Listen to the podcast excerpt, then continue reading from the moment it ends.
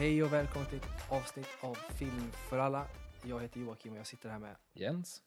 Och eh, i dagens avsnitt kommer vi att eh, prata lite, lite skräck och lite anime. Men först går vi in på lite nyheter.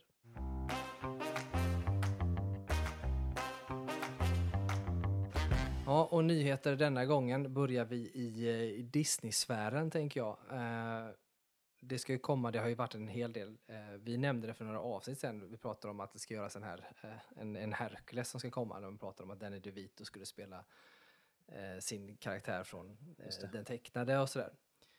Och det har ju gjorts ett antal, Lilla Hö, Sjöjungfrun och så vidare. Då, men det finns ju också en som är på gång, Snövit, Mm. som ligger där nu. Och det första man kan säga om den är ju att den har ju fått eh, upp, blivit uppskjuten då. Eh, från att den skulle komma våren 2024 så har den istället hamnat på våren då, eh, 21 mars 2025. Mm. Ett helt år. Och det är såklart strejker och sånt där som påverkat till viss del. Men det har också varit lite rabalder Mm. kring den. Ehm, nu släpptes ju eh, en f- bild eh, för första gången på Mm. Snövit och de sju dvärgarna. Eh, och de här rabalderna som varit kring den, vet du vad har det varit? Eh, jag fattar det som att det är, är kring eh, allt det här castingen runt eh, så kallade sju dvärgarna. Som inte egentligen skulle vara sju dvärgar då i nytolkning utan skulle ju vara sju jag vet inte vad de Magiska djur, magical creatures. Ja, typ. som skulle representera allt möjligt liksom. Eh, vilket, ja, alltså jag har ingenting, jag, inte, ja, jag vet inte, jag är inte så jag lägger inte så mycket vikt i Snövit-filmen så. Eh, och hade inte något problem med det överhuvudtaget. Vill man ta den vägen så kan man väl ta den vägen, det skiter jag i. Sen var det ju då kritik från, eh, alltså, jag vet, vad är det han heter? Eh, Peter Dinklage Mm. i samband med det att, liksom att de få rollerna som skulle finnas för dvärgskådespelare då tas bort för att man gör en omtolkning och det tyckte han var en så här dum grej liksom att när det så obvious skulle kunna vara, göras av eh, kortväxta så, så har man beslutat att ta bort det liksom in, in favor att liksom försöka representera andra minoriteter liksom. Men så har man liksom tagit bort från några andra sådär. Så jag, jag fattar ju kritiken. Eh, och, och ja, anledningen till att de då ändrade till dvärgar igen är väl på grund av det antar jag. Och det är väl också det som gör att det skjuts upp så himla långt för nu ska de ju då behöva animera sju dvärgar genom hela filmen, förmodligen göra reshoots också. Ja, så är det ju. Eh, och det fortsätter, för det, var ju, det kom ju ganska massiv kritik kring det här. Det gick mig lite under radarn ska jag säga, men det kom ju kritik kring det och nu är det, fortsätter ju vara lite kritik. För jag tror att det bara, alltså om man tittar på den bilden så är de ju digitalt gjorda, de Mm. här dvärgarna. Men jag vet att det, vad jag förstår så är det bara en riktig, jag säga, inom citationstecken, dvärg som är castad i detta. Och det kan man tycka vad man vill om, men så är det i alla fall. Ja. Och sen, nu har de ju då, på den bilden ser man ju att, att de här dvärgarna ska ju då se ut som de gör i den tecknade. Eh, vilket när jag, ser, när jag såg den bilden, alltså jag har svårt att se att det skulle se bra ut live action, för det ser jävligt konstigt ut på den bilden tycker jag. Ja, de ser lite märkliga ut faktiskt. De ser ju, de är ju liksom stora. Alltså det är som är grejen, eftersom att de behöver vara, det funkar bättre i, i liksom 2D-animerat. Alltså de är ju, det är ju konstiga proportioner, eller proportioner på allt i tecknat liksom. Men nu blir liksom, hon är ju proportionerligt rätt då i den här nya Snövit, men de blir väldigt underliga. Och jag vet inte riktigt hur det kommer funka i liksom rörelse med, med också liksom en värld som ser mer ut proportionerligt på riktigt liksom. Mm. Ja. Jag vet inte, det känns som det här är bara så här, något så desperat sätt för Disney att försöka så här få folk på deras sida. Jag vet inte. Ja, Jag vet inte ens om Dis Disney vet vilka som är, är liksom irriterade och varit liksom arga över vad som hänt. Nej, inte jag heller. Jag tycker också, för det första så måste jag säga att jag tycker att det från början är ett märkligt beslut att ta bort dvärgarna. Att sätta, det, jag jag kan ju vara så att jag egentligen skiter i det så, men, men ska man göra en, en, en, en live liksom, version, en adaption av Sjövet och de sju sju dvärgarna så känns det som att dvärgarna är ganska väsentliga. Eh, och då tänker jag så att var, varför ens ta bort dem överhuvudtaget? Det är märkligt. Och sen att man då väljer att gå tillbaka att göra dem ändå. Alltså det, det är ju, kommer bli sjukt mycket reshoots förmodligen och fix med det som superstruligt. Liksom. det är ja, är, är det cancelkulturen som går för långt? Folk är för oroliga liksom. Ja, alltså det vet inte. Disney har, tycker jag har varit några av de värsta med det där. Att, att försöka hela tiden gö göra vad de tror publiken vill se. Men det, jag vet inte, de, de verkar inte lära sig sin läxa för varenda gång så liksom blir det så att det funkar inte oavsett vad ni gör. Alltså att, att försöka förvänta sig hela tiden vad publik vill i allting och göra ändringar hela tiden utefter det. Ja, så, då skjuter de sig själva i foten, de har gjort så många gånger nu. Så jag inte. Och sen så har det väl varit lite, alltså jag tror även det spelar lite roll i hela grejen är ju hon som spelar Snövit. Hon har ju också sagt saker i samband med eh, Rachel lite marknadsföring som vissa människor har tagit liksom, ja, de blir liksom offended av det. Jag tycker inte att hon säger någonting speciellt. Jag tycker att det är folk som är överkänsliga som reagerar på vad hon Vad det säger. har sagt? Nej, men hon har ju bara sagt att hon tycker, alltså att så här, hon har pratat om Snövit. Det här är också innanför att den hette den skulle inte heta Snövit och de sju dvärgarna. Eh, eftersom att de tog bort dvärgarna, men nu kommer den väl heta det igen då antar jag. Eh, men hon pratade ju mycket om att, så här, att, att hennes Snövit och den här nytolkningen kommer ju liksom vara eh, och hon pratade rätt öppet om att det är är medvetet valt att vara mer liksom inclusive. Eh, och även att hon då, hennes karaktär som Snövit kommer liksom inte bara vara att hon kommer liksom vänta på att bli räddad utan po poäng för att det ska liksom vara i dagens samhälle är att hon kommer ha lite mer driv, hon kommer ha en, liksom en, en story, hon kommer ha en ark med, med vad hon vill göra som karaktär och sådär. Och folk blir upprörda och blir så här, ja men hon, hon ska vara en prinsessa, bla bla bla. Och så är ju folk också alltså rasister som är upprörda över att det inte är en, en blekvit kvinna som spelar henne. Alltså att det är bara att det är någon annan med etisk bakgrund. Blir folk upprörda över. Ehm, Ja, och då, blir man, då, blir folk, då har ju folk argumentet att det är så här, om man ska hålla sig till eh, källan. Liksom.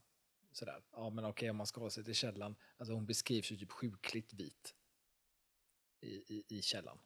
Och det är så här, hur, hur bra blir det att ha någon som ser sjuk ut?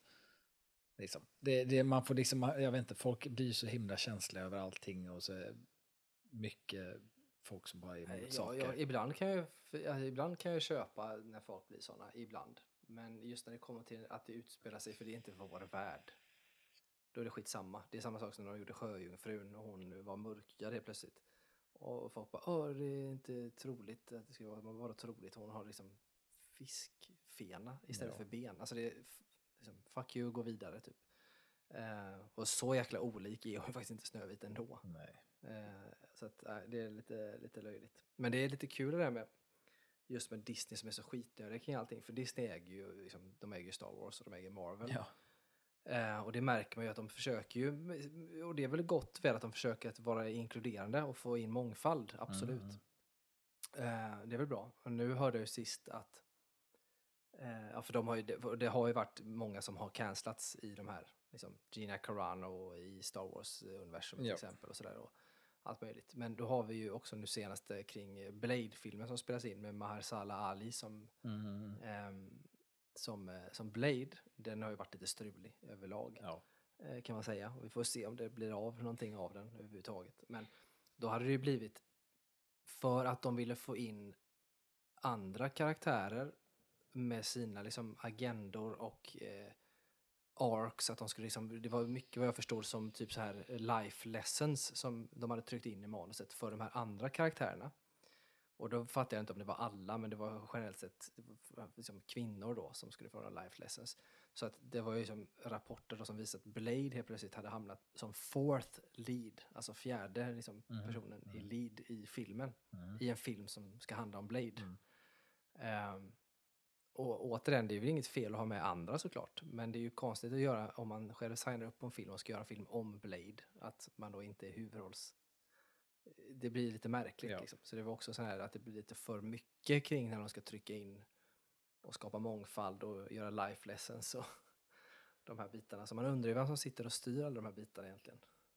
Ja, men alltså jag, jag kan alltså jag kan köpa det mesta med att man, man från liksom i grunden av historier försöker liksom få in eh, mer mångfald och allt sånt där. För att det, det tror jag också, jag tycker bara en så stark grej jag såg bara var det som hade med Sjöjungfrun att göra var ju att man såg, jag såg massa klipp på eh, eh på barn, främst då tjejer i, i USA, eh, som har då afroamerikansk bakgrund liksom, eh, som hade sett bara trailern på det och såg då någon som var mer lik dem som Le Sjöjungfrun och hur det, hur det känslomässigt påverkar dem. De satt och kollade på det och då tänker man, det är ju svin. Bara det får mig att liksom, ja, men det är väl jättefint att de kan få bli sedda. Alltså, eller att de kan se sig själva i det.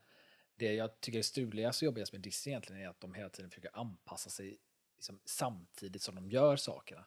Och i efterhand, det är sådär, men alltså om, om ni vill gå den vägen och ni vill ha den här mångfalden och vill göra det här i Snövit, men gör det då. Det är liksom, vad är, liksom, då får ni liksom stå för att ni väljer att göra det och gör det. Håll inte på så här att oh, folk blir kritiska sen och försöker ni liksom anpassa er. För det kommer aldrig, det kommer inte bli bra ändå. Nej. Jag landar ju alltid i att jag tycker att jag tycker att alltså, narrativet och historien går först. Ja. Alltid. Ja. Sen skiter jag hur de... Alltså, för, vill de casta på det sättet för det passar historien det de ska berätta, gör det. Inte hålla på och ändra för att det ska passa några som skriker högt någonstans och sådär. Det har jag så Ja, men jag kan tänka mig, bara Snövit, alltså hela, hela vad det har varit tänkt vara för film kommer ju ändras. För att om poängen är att de här sju dvärgarna inte ska vara dvärgar längre, utan de ska ju liksom representera andra etniciteter och folk med eh, olika, vad jag läst var det väl också att det skulle ha att göra med eh, folk som eventuellt har ett handikapp och så vidare så där också. Eh, då kommer ju det vara en del av berättelsen. Och tar man bort dem och ersätter dem med de här animerade dvärgarna så är inte det längre del av berättelsen. Så filmen kommer inte vara detsamma som de Nej, men det är det satts jag ut menar med göra. att låt, låt, har, de, har de den idén och det ska passa i berättelsen och det är det narrativet de vill ha, då är det bättre att köra på det. Jag tycker alltid att storyn går först. Varenda gång. Att hålla på och anpassa, det är ju så jäkla skitnödigt. Och man blir trött Ja, verkligen. på det. Men eh, ja, vi släpper Ja. eh, Snövit så länge så får vi kanske återkomma så småningom. Eh, den sista nyheten idag eh, är egentligen två nyheter kan man säga. Nu ska de ju in, vi brukar alltid prata om att, att när man gör en bra skräckfilm, som är väldigt få gånger, som du och jag tycker att det är bra skräckfilm, Mm. eh, så gör man alltid liksom uppföljare på dem. För man ska göra. Och mjölkar ut till, till Ja, men lite sådär. Och så tänker man ändå att men vissa saker är ändå fredade. Det känns som man har inte hört något, det känns lugnt och så vidare. Va? Nu ska de ju då inte liksom, eh, förstöra bara en eh, film, utan till och med två med uppföljare. Eh, och det, de kanske blir bra. Jag ska, eh, den ena kanske blir bra, den andra är jag mer tveksam till. Mm. Men då är det först och främst eh, en film som vi pratade om i podden här och det är ju, och vi har pratat om båda i podden, men det var inte, det var en av de första kanske vi pratade om, ganska länge sedan. Eh, och det är The Black Phone Mm. med Ethan Hawke i huvudrollen. Mm. Eh, eller som The Bad Guy. Eh, det ska ju komma en, en tvåa på den. Mm. Eh, har blivit greenlightad. Och det tycker jag är ju märkligt. Ja, det tycker jag också är märkligt. Eh, för att det är ju en story som är så bra för sig själv. Och Ja. det finns liksom en hel... Att det just är i detta, alltså det utspelar sig i det här huset och källaren då och det finns en telefon och sådär. Men det är just det som är The Black Phone. Mm. Varför ska det hända? Är det samma hus eller är det på någon annanstans? Och varför sker det den här gången? Alltså det är någonstans så blir det så här. Vad, hur ska de förklara det? Och då blir det bara att man mjölkar hela grejen. Alltså jag, jag, första är ju ändå bra. Så att, jag, jag blev mest alltså, också så fundersam över att man har valt att göra en, en tvåa just för att jag tycker inte att, att första filmen har liksom någon form av ska man säga, någon, någon form av lore eller någon liksom potential för en, liksom en, en värld att göra, göra uppföljare kring. Den, den känns så isolerad i sig den filmen och känns liksom som, som det liksom inte är som om man så här, tar andra så här Halloween och alla de där skräckfilmerna med, med mördare, där har man ändå liksom en potential att man har liksom en mystisk mördare som vi då följer film efter film efter film. Här är det liksom att det är ett mysterium kring den här kidnappade pojken och det råkar vara paranormala saker som händer där just specifikt som har som är så knutet till hans upplevelse av allt som händer. mm. Så då har jag så här, jag vet inte, jag vet inte ens liksom vad man har sett så här, men vi har en tvåa, men vad är två? Nej, jag vad är vet inte heller. Alltså det som jag tänker mig, som, och, och de kan säkert göra det. Och, liksom, och det finns ju så att det kan ju vara det kan ju vara att man följer telefonen, alltså den, the black phone. Ja. Att man följer den, den har bytt, den har hamnat någonstans och så hamnar den hos någon annan som köpt den och den är haunted och så är det någonting med det. Det skulle ju vara det tråkigaste. För att det Ja. känns som att, att i den filmen känns det som att allt det händer där just för att det är precis där allting går. Ja, precis. Jag ser inte ens att telefonen i sig är Nej, mystisk. då blir det liksom inte något speciellt med det. Men det är ju en eh, bit de kan ta det. Eller så kan de bygga vidare på att den här kidnappade eh, pojkens, är det syster? Eller vad det nu är. Som har nästan så här övernaturlig förmåga, typ. Ja, för bå- båda två är, har ju någon form av grej. Ja, och att de, har, att de bygger vidare på och har, har kvar dem i nästa, så att Ja. de bygger vidare på det. skulle de också kunna göra. Mer intressant, men det, blir, det tar fortfarande... Jag kommer, kommer inte ihåg, vad, överlevde pojken? Jag kommer inte ihåg. Ja. Ja. Men däremot så Det hans kompis som först blir kidnappad, då Just det, ju just han det, just det. var- Eh, det hade ju varit lite roligt om man hade gjort så här uppföljare och så visar det sig att, att pojken har blivit bad guy. För då har man ju hållit sig till verklighet så här att folk som blir traumatiserade kan ju hamna in i... Ja, nej, men det kanske de gör, tror inte de gör det. Det men jag eh, det hade de kunnat göra. Men det, återigen kan man följa det här med att, att systern där och sånt där kanske har någon övernaturlig förmåga om man bygger vidare på det. Samtidigt så tar det ju ifrån allting som blir bra. Allting som är bra med den första, om du gör en tvåa med, med, de, med de karaktärerna så tar man ju liksom deras och, och liksom vattnar ur deras historia och betydelsen av det första.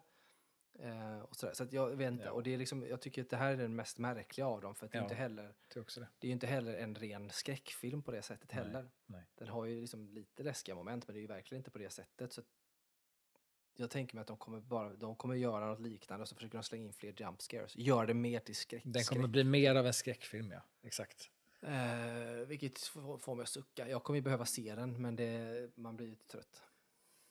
Jag skulle däremot bli jätteglad om, jag blir glatt överraskad av det. Ja, det hade varit eh, grymt om de får till det bra. Men vi, det återstår väl att se. Eh, sen den andra de ska göra, som jag kanske känner mer... ehm, Jag kan ändå förstå den här mer. Ja, men jag kan, förs- jag kan förstå den och jag tror att det kan bli intressant för att jag, nu var det ett tag sedan jag såg den, men den slutar på ett sätt som gör att det kan fortsätta och det finns någonting att berätta efteråt. Ja, Eh, och att den, alltså gimmicken i den filmen är ju rätt öppen. Ja, men det För är att det kunna egentligen ta vilken väg Ja, som men det helst. går att göra liksom. Det är ju som, alltså det är ju som eh, att titta på The Ring, den klassiska till exempel. Mm. Där det finns, alltså det finns någonting man kan bygga vidare på alltid. Men det här är ju då en uppföljare till eh, en av våra favoriter, Mm. eh, It Follows. Mm. Eh, och den här den heter då eh, They Follow Mm. istället. Eh, och det får man se vad det är. Jag var mest förvånad över att det tagit, tagit sån tid. Ja, och Den det, kom ut 2014 så här, tror jag. ja, precis, det är något sånt ja. Ja. Eh, och det som är grejen med den är som jag tycker är, som jag blir mer hype över att ta i, men som jag ändå ser positivt i, att dels finns det en gimmick att följa, Mm. eh, men också att det har tagit så lång tid. Då är det inte bara någonting man gör för att oh, vi måste följa det Nej, medan det liksom smider medan järnet är varmt på något sätt, utan det här är någonting som man, då har man kanske en idé som är bra Mm. på riktigt och vill göra någonting av det. Så att jag hoppas och tror att den här kanske faktiskt kan bli bra, till skillnad från vad jag tror att Ja. Black Phone 2 kan bli. Ja, alltså jag kan, ja, jag kan se flera så här, potentiella saker som skulle kunna vara intressant för mig i, i en uppföljare till It Follows. För It Follows är ju väldigt, alltså den, den ger ju inga svar alls överhuvudtaget. Utan det är ju bara eh, något liksom övernaturligt som händer. Eh, så att man skulle kunna gå den vägen att man vill ge lite mer svar till vad det är för någonting. Eh, jag gillar ju också i första filmen det här när de vet, slåss, slåss tillbaka liksom, Mm. och försöker övervinna det här och försöker att gå den riktningen är intressant också, att liksom se, försöka se en grupp som faktiskt försöker liksom ta sig an det på något sätt och faktiskt liksom förstå sig på det eller vad det är. Liksom. Mm. Eh, sen kan man också alltid bara gå och göra liksom att det, man gör it follows fast med andra. Alltså det kan ju vara samma sak fast det är med andra karaktärer. Ja, sen Annan tid ska man titta vad titeln är med They Follow Ja. istället för It Follows.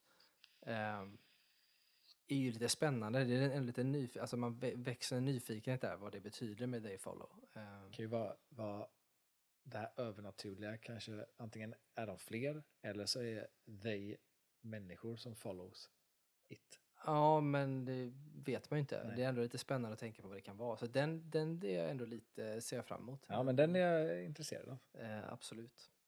Men vi släpper nyheter och går in på eh, dagens ämnen. Ja, och eh, dagens ämnen. Vi har tre filmer och eh, en anime-serie Ja. eh, kan man säga. Och eh, ska inte säga så,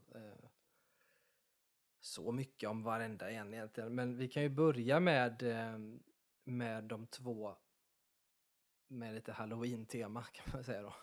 Lite skräcktema. Vi kan börja med eh, Haunted Mansion.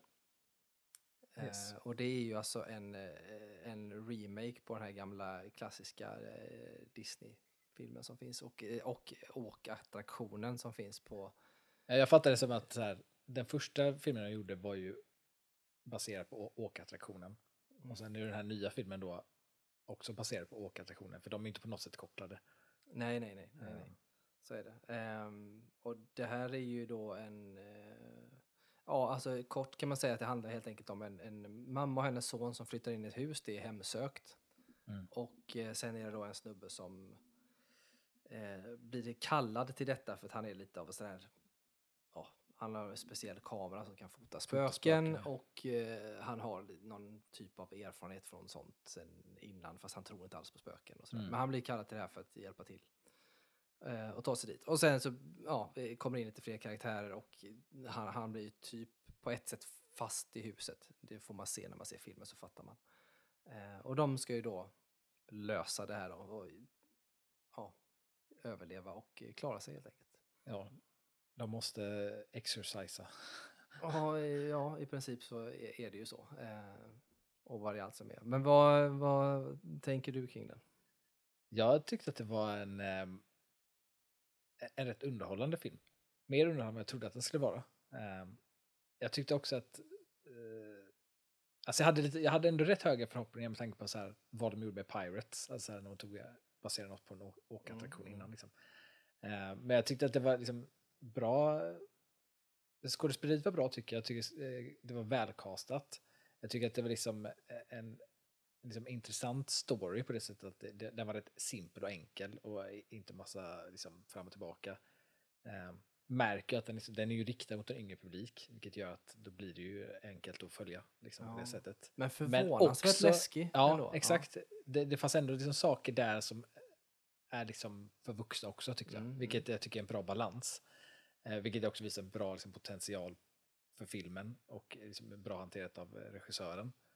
Ehm, och sen tycker jag att, att det var lite som att eh, den hade lite så här på något sätt så här tidig Burton-känsla.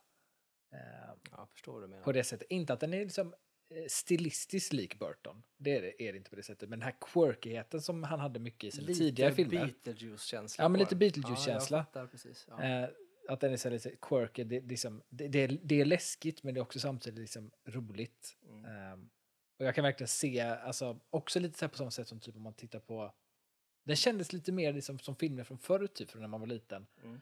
Liksom lite mer så Kasper, det liksom vänliga spöket, lite åt det hållet. Att det, det är läskigt, man, man gömmer sig inte bort från det läskiga, utan det får vara lite läskigt för barnen.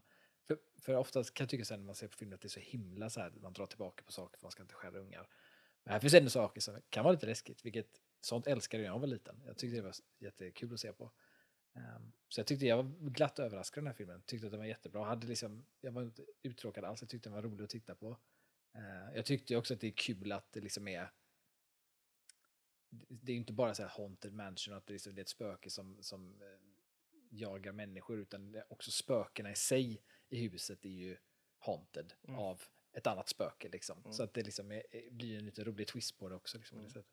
Nej, Jag håller med. Det är kul att du säger det just det här, man nästan kan få nostalgikänslan för den. För jag håller helt med. Det kändes som en, det kändes som en film som, trots att den ser ut att vara gjord nu, så känns Mm. den som att den är gjord på typ 90-talet. Alltså Mm. den, den är den är väldigt liksom, mysig på det sättet Mm. som jag minns att filmen var från 90-talet. Där de fortfarande kan vara läskiga, Mm. men det är fortfarande inte...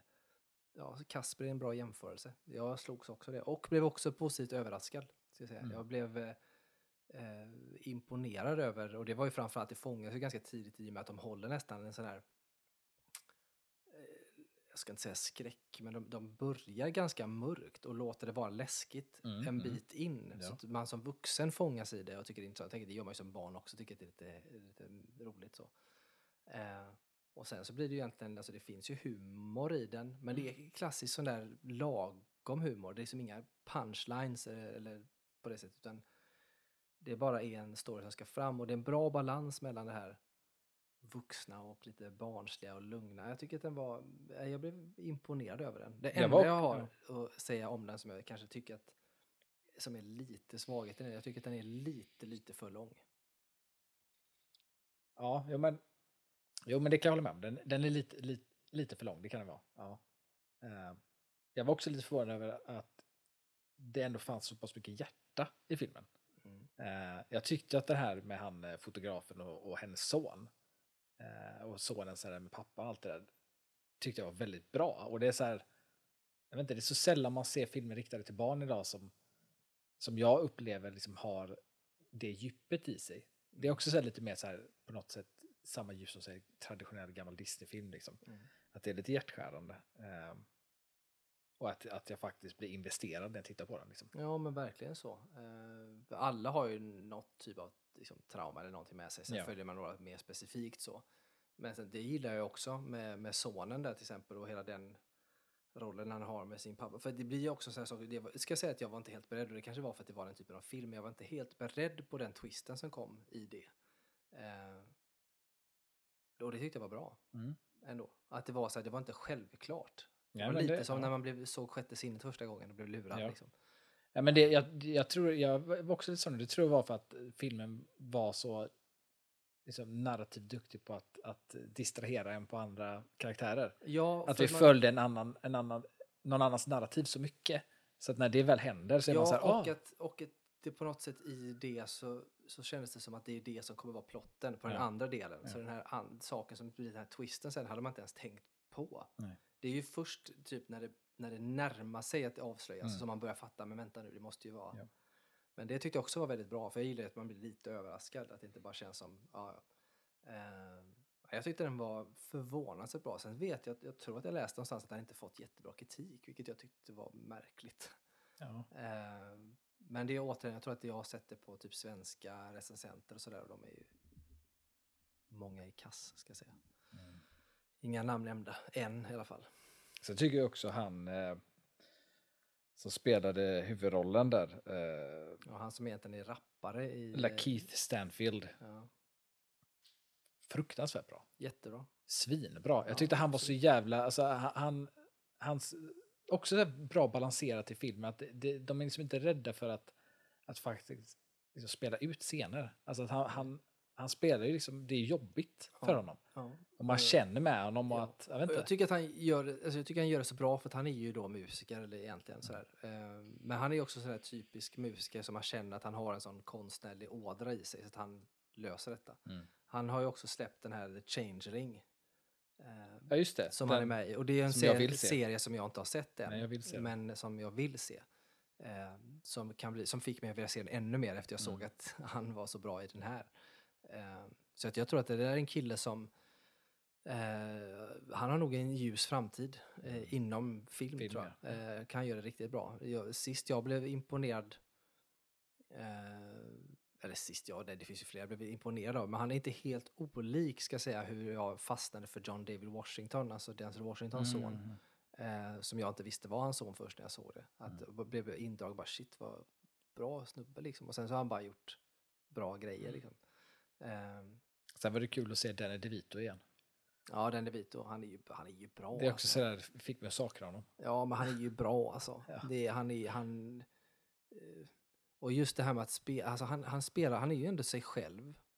Men han, det är ändå ett sånt jävla spektrum Ja, i sig själv ja. på något sätt. För att han kan ju spela alltså, dryga karaktärer och så vidare. Mm. Men här är han ju, alltså han, är, han kan ju vara lite så kanske, men han är också väldigt trevlig och, och, och mysig liksom. Mm. Nej, jag tycker att det var bra. Det var, jag tycker jag blev eh, imponerad, jag tyckte den var väldigt Mm. bra. Vad, om vi ska sätta någon typ av betyg på den då, vad sätter du? Eh, Jag sätter nog en... Eh,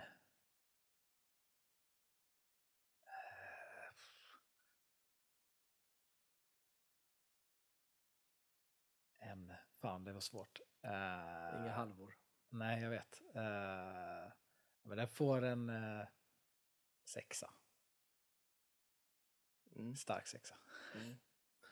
Jag... Eh, åh, det, ja, jag håller med att det är svårt. Jag vill sätta en sjua. Egentligen. Men jag får nog också nöja mig med en sexa. För det, just att den är lite för lång och det är liksom inte, ändå inte riktigt en sån typ av film som kanske når så högt. Så jag, nej, jag får nog säga en stark sexa jag också. Nej, nästan en sjua, men en stark sexa säger jag. Ha, redo för nästa film? Yes. Denna gång hoppar vi från, eh, från spöken och andra till demoner istället. Eh, och då kör vi Exor The Exorcist Believer, alltså uppföljaren till The Exorcist. Eh, och det här är egentligen en uppföljare som eh, inte följer på, för det gjordes ju Exorcisten 2 och det är en trea, Mm. jag tror till och med gjort en fyra. Så, så, här, så de brukar Så har vi gjort en prequel också tror jag. Ja, men man brukar inte räkna med dem så mycket. Men det här är ju i princip en direkt uppföljare till första Exorcisten. Mm. Fast många, många år senare då. Mm. Eh, och den här gången så handlar det om två flickor som försvinner i, i tre dagar och kommer tillbaka och sen är de då, eh, ja. De cursed. tror ju att de var borta i, i några timmar bara. Ja, det gör de ju. Men de har varit borta liksom, och så kommer de tillbaka och är lite märkliga och så är de då eh, ja, possessed, helt enkelt Mm. besatta då av demoner. Eh, ja, kör. Vad tänkte du när du såg den? Alltså, jag vet inte. Jag vet fortfarande inte riktigt vad jag tycker om filmen faktiskt. Um, det var så länge sedan jag såg första Exorcisten så jag, jag har så mycket, liksom, vet bara minnet av den filmen kvar. Och inte så mycket av vad, vad den fa- filmen faktiskt var. Um, men jag var lite, jag vet inte, jag var typ besviken av den här filmen. Och typ att det, det var lite, Vänta, den var inte läskig. Jag tyckte inte det var någonting i den som var läskigt överhuvudtaget. Och jag tyckte också att den var inte läskig för att det, det kändes som att filmen inte försökte vara läskig. Um, och att det var liksom... Jag vet inte, jag tyckte också plotten var rätt svag. Alltså på det sättet att, att det är simpelt. Men det är samtidigt så det också att, jag vet inte. Det, det, det är som att, jag vet inte, den försökte så här, typ tvinga en till typ man ska tycka och känna med karaktärer. Men jag, det var som att jag inte riktigt köpte det på något sätt. För att, jag vet inte riktigt, det, det, det är någonting med typ dramaturgin i filmen som inte funkar för mig alls. Och jag vet inte om det är att filmen i sig hade svårt att veta vad den ville få gjort. För det är så här, det ska vara uppföljare på Exorcisten men den försöker inte vara läskig. Den försöker inte ens vara äcklig. Alltså sån här... Alltså, om jag kommer ihåg till, till exempel från första Exorcisten, obehagligt så med, med den här flickan som blir besatt och när hon går ner där i rummet vet, och pissar. Vet, i, Mm. det är liksom obehagligt och, och äckligt och är så här, åh fan vad sjukt. Jag fick liksom inget sånt alls i den här filmen. Som hände, liksom på det sättet som, fick mig att reagera på det på, så. Liksom. Ehm, och att det, på något sätt går också så fort till det här att att det köps att det är övernaturligt. Ehm, för att det går liksom inte att, att gå ifrån att det är det, för att det händer ju så fort saker med dem. Jag kommer ihåg, eller min upplevelse, mitt minne från Exorcistfilmen är att det gradvis tar sån tid typ för henne att liksom bli hennes mamma där och verkligen se att hon är besatt. Typ att det rätt långt in i filmen kan uppfattas som att hon, det är någonting psykologiskt istället. Men här rätt tydligt är det ju så här, det är inte psykologiskt. Det här är, en, no, no, de här är besatta. Och att de behöver då hitta hjälp för det här. Ehm, jag tyckte, så det, det var liksom inga motgångar heller på det sättet. Utan så här, oh, hon är besatt, eller de är besatta, vi behöver hjälp, oj vi hittade hjälp, nu ska vi fixa detta. Det, det var liksom ingenting som satte sig emot. Nej, jag förstår vad du menar. Jag eh, håller kanske inte riktigt med. För jag tycker ändå att det är... Alltså första Exorcisten-grejen med den är att den, den är ju inte heller läskig egentligen så mycket. Men det är det jag menar med att jag, jag inte vet vad jag ska tycka för jag, det är bara mitt minne av. Nej, och jag tycker att du ska se om första Exorcisten. Nu kommer jag säga någonting som jag kanske får stryk på stan för. Men det är att första Exorcisten är, den brukar ju sägas att det är den läskigaste filmen. Ja, det är så här. Den är inte särskilt läskig eh, alls. Om man jämför Nej men den är de inte läskig men det är ett obehag Ja, och det finns det ju absolut i den. Eh, och där tror jag man har ett problem bara för att menar, man vet också att det var så mycket problem med inspelning på första Exorcisten och sen var det en ung tjej som, det, alltså, det, det var tufft för henne liksom. Mm. För det är just det här, hon, hon eh, liksom trycker in ett kors mellan benen och sådana saker. Ja. Och, så- alltså, och typ fuck Jesus och du vet alla Ja. sådana saker, vilket är obehagligt. Och Det är, nog- obe, det är ju så obehag Ja, och det är obehagligt som det. finns med. Och, det lite finns ju provokativt. Ja, och det finns ju med små sådana saker i den här, men inte riktigt. Och det tror jag är för att det är de tiderna vi lever i, så man vågar nog inte riktigt det. Och jag själv hade tyckt att det, var, att det hade varit väldigt obehagligt. Eh, och det är ju, tanken. Men jag tror inte att man utsätter två tonåriga tjejer för att göra det idag. Mm. Så att det tror jag är en bit av det. Sen tycker jag att den eh, annars påminner rätt mycket om första Exorcisten för det går relativt fort där också. Kanske mer, lite mer gradvis men relativt fort också. Sen får man också se att då när första kom så finns det ju inte en bok skriven. Det finns det ju den här, så finns det ju en förklaring, det har hänt förut, man vet vad det är och så vidare. Ehm, så jag tycker, alltså jag tycker att tonen höll sig rätt väl till hur det första var. Så jag tycker att den var en rätt, rätt okej ändå. Sen så håller jag med om att den, det är inte liksom perfekt på något sätt och sådär. Men jag, blev förvånad över hur bra den ändå höll sig och kändes lite grann som den första ändå. Ehm, så jag tycker ändå att den var den var alltså helt, helt okej, en bra uppföljare. Men som sagt, jag tycker att du ska se första Ja, Exorcisten men det, är det, att, det är ju eh, min plan att göra det. Men jag tyckte liksom, det här nya kändes liksom lite som att man hade gjort Exorcisten fast man liksom vattnat ur det lite grann. Lite, det som jag kan tycka är synd, vilket jag, det är synd, det, det, det är både race the stakes och samtidigt inte, men det är just det här man har två som ska vara besatta. Ehm, det hade nog varit mer intressant och kunnat vara mer intressant om man bara haft en istället. Ehm, Men det är lite, den är lite för...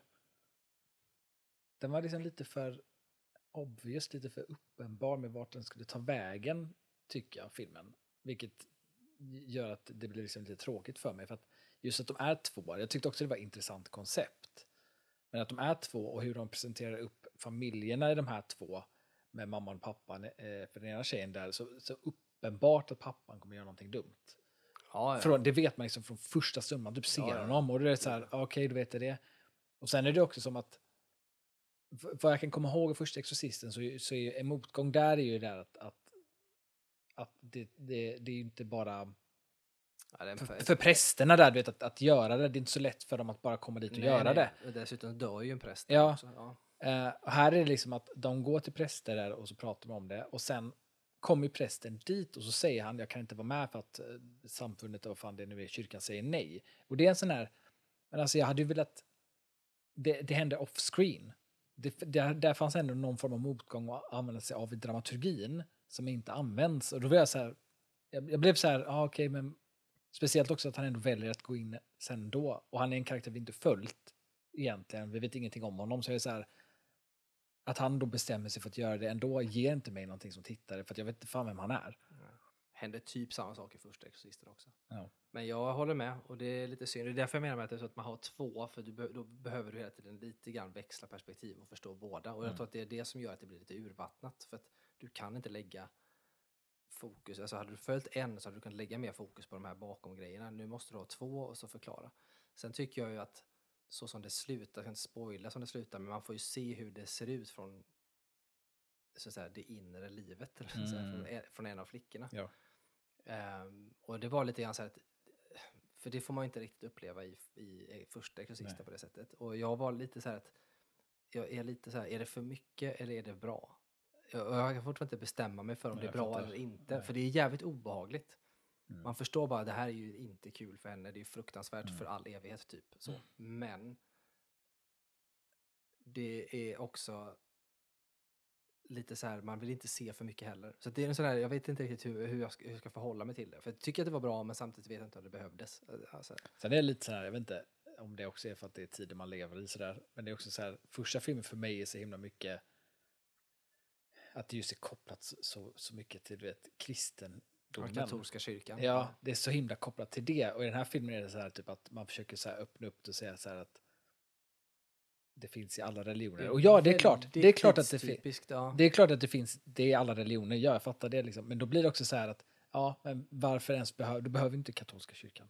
Då behöver inte han vara där. Varför ska han vara där? Nej, och det, nej, men det håller jag med För om. de har ju en annan, den här kvinnan som håller på med grejer. Varför inte, hon kan väl göra det då? Ja, nej, alltså katolska kyrkan försvinner ju. Ja, jag håller med. Alltså, det, är lite grann, det, det tyckte jag var en av de eh, tråkigaste sakerna. På ett sätt så tyckte jag ändå att det var så, ändå, de fick ändå in det relativt snyggt. Ty, jag byggde in det att det finns Ja. fler och att, att det finns Ja. alla liksom, på det. Och det kan jag absolut köpa och det kunde man ju liksom haft med ändå. Men, men jag behöver inte ha den liksom, tids, tidstypiska tolkningen av det. Jag hade tyckt det var mycket mer intressant om man bara hade fortsatt med att det är katolska kyrkan som kommer och, och gör. Ja, för det är ingen, alltså, ja, för att det, det är ingen idé att, att ens, alltså det är ingen stakes att han inte kan vara med.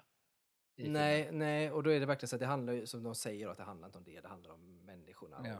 Och, så här. och då, eh, och det blev jag lite besviken på, för det är ju det som är hela grejen med första Exorcisten och med sådana här saker överhuvudtaget, att det är katolska kyrkan som är lite mystisk och lite... lite För jag hade ju nog hellre velat se, alltså, för det, det var nästan kanske lite mer det jag hade nog trott att det skulle vara också, för att hela filmen i början där med, med mamman, Mm. med när hon dör där och han måste välja allt det där. Mm. Ehm, och hon blir, du vet, får den här blessingen av den här, ja, jag vet inte vad man ska kalla det, någon Ja, voodoo-kvinna. voodoo-kvinna av något slag. Liksom. Där var ju så här, där sätter man ju upp en, en, en sak som kan kopplas till slutet egentligen. Och att man, kan då, man skulle kunna gjort den exorcisten fast från en annan religiös point of view än katolska kyrkan då egentligen. Eh, men sen så var, oavsett om de gjorde det eller inte så var jag lite så här, det de satte upp där fick mig att, att tänka att att blessingen de gjorde det skulle ha en funktion sen, vilket det kanske hade då. Men i så fall var inte det tydligt nog. Eh, vilket jag tyckte var så här, det var mycket av in inledningen av filmen som för mig är poänglös för resten av filmen. Mm, ja, det håller jag med om. Eh, så. Och där fin- ja, Det kommer också det- alldeles för sent Ja, att, håller att han hade det valet i början. Det kommer för sent in i alltså vetskapen om det kommer in, med vad, vad han valde, eller vad han sa att han valde. ja. Det kommer in för sent tycker jag. För att när det kommer in, då är man redan alltså, narrativt i den stunden och vi liksom är i upplösningen av det. Hade vi, hade vi som publik fått veta vad han valt innan så hade det känts... Jag vet inte, då hade jag känt, känt mer för honom tror jag över hans, hans liksom roll som pappa för det här barnet. Ja, ja, det hade varit mer en tunnare tråd som Mm. hade varit lite mer på spänn på Mm. något sätt också. Men ja, ehm, ja jag, tycker, jag tycker att den var okej, det gör jag. Men, men samtidigt så är det vissa saker som kanske inte är topp, topp så. Ehm, men en betygssättning då? Alltså det får jag femma. Den är ju, man kan ju se den. Eh, jag tror att vissa, vissa människor skulle nog tycka om den mer än vad jag gör. Mm. Så jag skulle nog säga en femma. Ja, jag säger nog jag säger nog en sexa ändå. Tycker ändå att den är vara värd det. Den är ändå hyfsat välgjord även om det kan vara vissa saker man stör sig på. Men ja, det får vara det för eh, filmerna eh, som är skräckfilmer. Nu har vi en film som jag inte har sett men som du har sett som du ska få prata lite kort om och sen avslutar vi med animen då. Ja. Och då tänker jag, då är det Past Lives, Past Lives. en eh, koreansk-amerikansk eh, film. Ja, jag vet inte riktigt om den är vilket produktionsbolag som är bakom, om det är amerikanskt eller sydkoreanskt menar.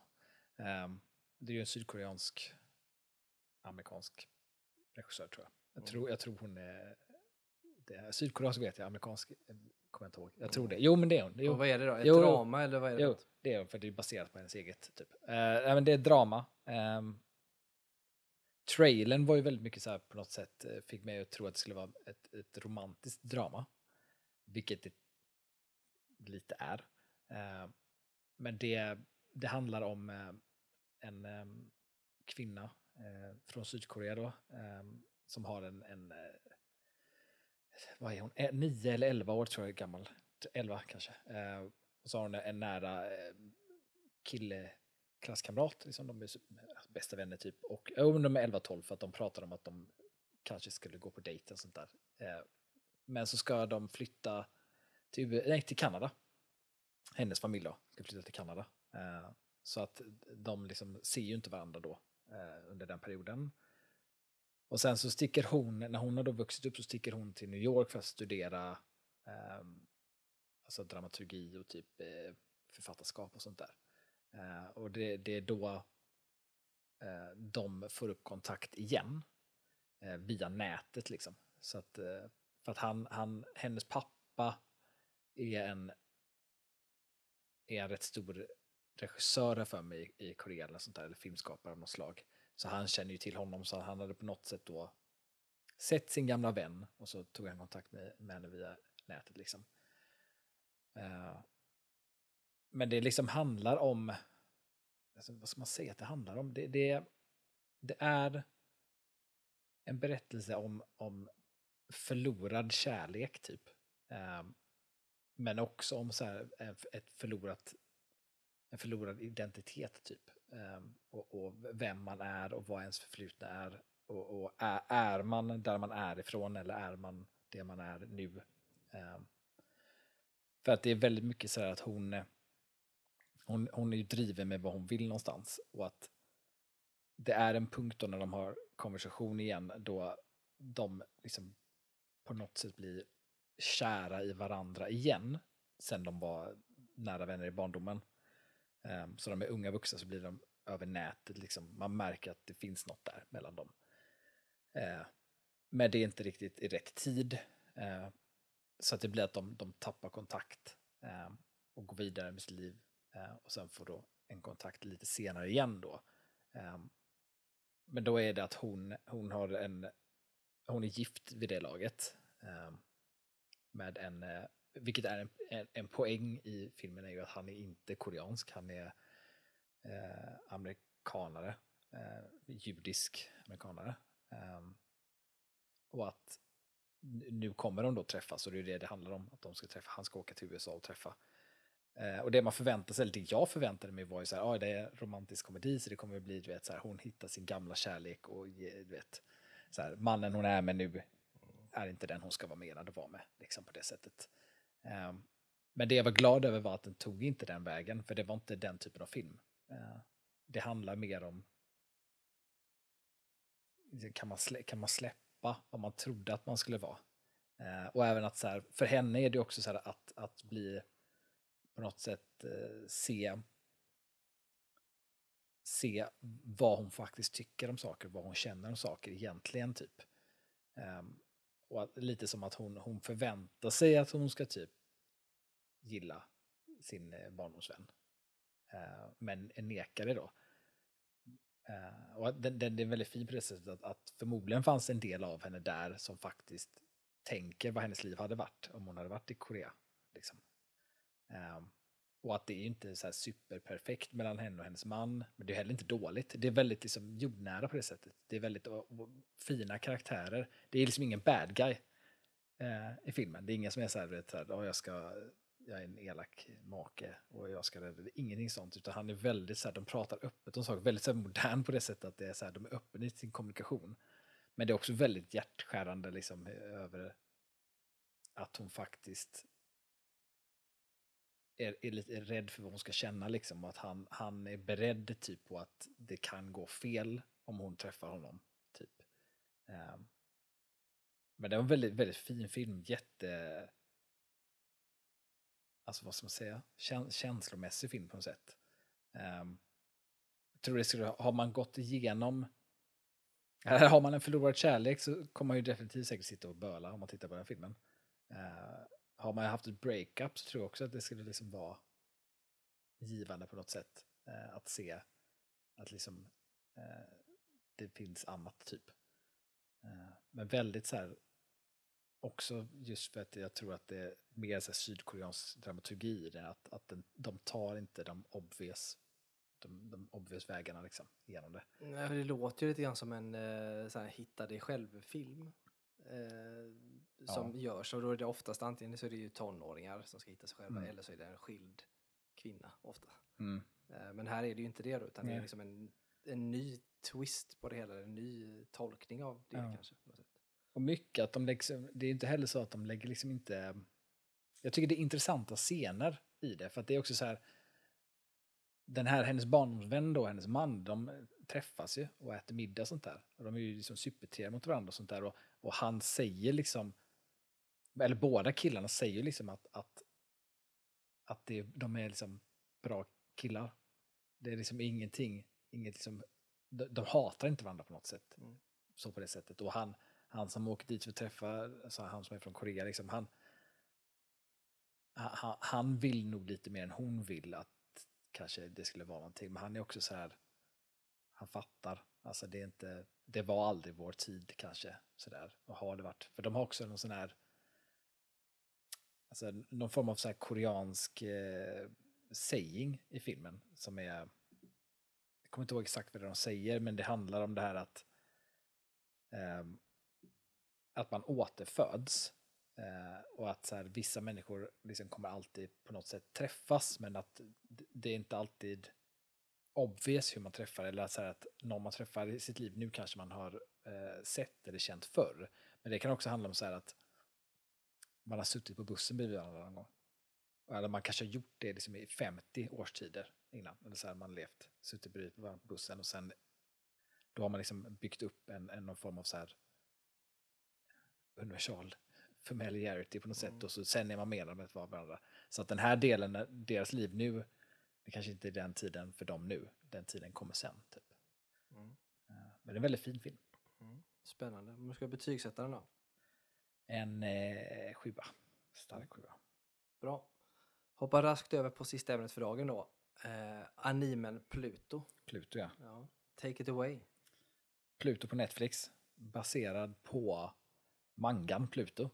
Eh, som jag läste, gick in och läste sen då att, att mangan Pluto är en omtolkning av eh, mangan som i västerländerna heter Astro Boy. Som någon kanske känner igen, gammal manga. Eh, men den här omtolkningen då gjordes, för att i Astro Boy så följer man ju så här mekanisk robotpojke som är hjälte. Liksom. Men den här omtolkningen då som är Pluto i en eh, detektivserie, typ. Eh, där det handlar om så här, efter ett världskrig, liksom, där det var alltså människor och maskiner, alltså på båda sidor då, men att maskiner användes ju mest då i, i strider och sånt där. Har liksom slagits och, och det kriget har, har liksom tagit slut. Men så finns det sju stycken robotar som är liksom de liksom mest avancerade och liksom starkaste robotarna, så att säga. Eh, och där är då Astroboy, eller som han egentligen heter, Atom, eller Atom, eh, är en av dem. Eh, men det handlar om att eh, i första avsnittet så är en av de här robotarna eh, mördas. Ehm, Eh, och i det här, vid det här laget också då i serien så har eh, robotar rätt nyligen fått liksom, eh, civil rights, alltså att de är enligt lag värda detsamma som en, en människa liksom, på det sättet. Men det är fortfarande att folk inte kanske accepterar det. Eh, och så är det också det här att, som är så vanligt för robotberättelser, det att, att robotar kan inte eh, döda en människa. Liksom. Mm. Så det sitter i deras programmering, liksom, att de kan inte göra. Men så följer vi en av de andra eh, mest avancerade robotarna som heter eh, kommissarie, blir det väl då, eh, eller detektiv eller vad man ska kalla honom, eh, Geist från eh, Europol. Eh, som är från eh, Tyskland. Han följer då, han blir liksom insatt i det här eh, fallet och eh, dras in i, för då börjar det kommer fram då, det lämnas som eh, monument av horn vid varje plats. Den, eh, någon dödar. Så det är då roboten och sen så är det även människor kopplade till de här robotarna. Eh, antingen byggt dem eller på annat sätt. Och sen även en, en grupp som har varit involverad. Liksom, det är flera som dör och så är det Geist som ska försöka hitta vem som har gjort. Så det, Spoila inte för mycket Nej, nej. jag vill se. Nej, men det är liksom avsikt, det är plott för vad Ja, som kommer ja. hända.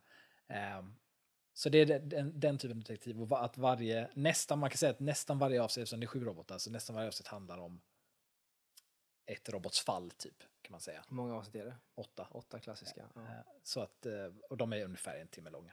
Eh, Men jag tyckte det var en jävligt bra, svinbra serie. Jag var så överraskad över hur bra den var och hur, över liksom hur intressant den var. Dels liksom på det här detektivplanet, att det är mysterier, man vill veta vad som händer och vilka som är bakom. Och, för Pluto är, vad ska man säga, Pluto är inte bad guy, men vad, vad liksom de kallar bad guyn Mm. vem eller vad nu som gör vad. Eh, så det är ju det den är döpt efter, liksom serien. Eh, men så man följer då liksom eh, mest Geist under serien. Eh, och så eh, får man då kopplingar till de här olika robotarna och vad som har hänt och sånt. Så det är så man möter eh, Astro Boy igen. Så det, det är intressant detektivgrej på det sättet, mysterier. Och sen är det också intressant på hela det här planet av, som jag älskar, det, där, vad innebär det att vara människa och eh, vad är det att liksom hata och älska eh, och, och, och vem har rätt till vad? Eh, vem, vem, kan bestämma över någon annan liksom, och sånt där. Det är mycket det här med att robotarna är ju liksom eh, underordnade liksom, och att så här, vad, vad kan de ha rätt till och inte ha rätt till typ. Eh, mycket sånt där som är, för mig är jätteintressant. Eh, och specifikt i... Eh, du kommer inte ihåg om det är avsnitt 1 eller 2. Eh, men det är, i avsnitt 1 eller 2 så är det specifikt en robot som jag blev jävligt berörd av. Jag kommer inte gå in på det för då spoilar jag. Men jag blev berörd av eh, allt kring den roboten. Um, men så det var intressant, för jag hade ingen aning att den var kopplad. Alltså att det skulle vara, jag blev så överraskad när jag såg. Um, för den är ju rätt stilistiskt lik gamla Astroboy, Alltså det, man märker att de har dragit uh, stilliknelser. Så att när jag såg eh, då Atom först, jag bara fan det ser ut som Astroboy tänkte jag. Och så gick jag in och kollade lite och så såg jag här, han som skapade honom, Tenma som han heter i serien. Han var också såhär, jag bara, fan jag kände igen honom. Och så gick jag in, ja just det, det är ju hans skapare i Astroboy. Så att det är intressant att ta, ta karaktärer från någonting och liksom göra en omtolkning av det på det sättet. Och, och berätta det från ett annat perspektiv. Liksom. Mm. Uh, tyckte det var ganska coolt. Det låter ändå rätt intressant. Om du ska betygsätta den då? En nia. Ja, det är bra.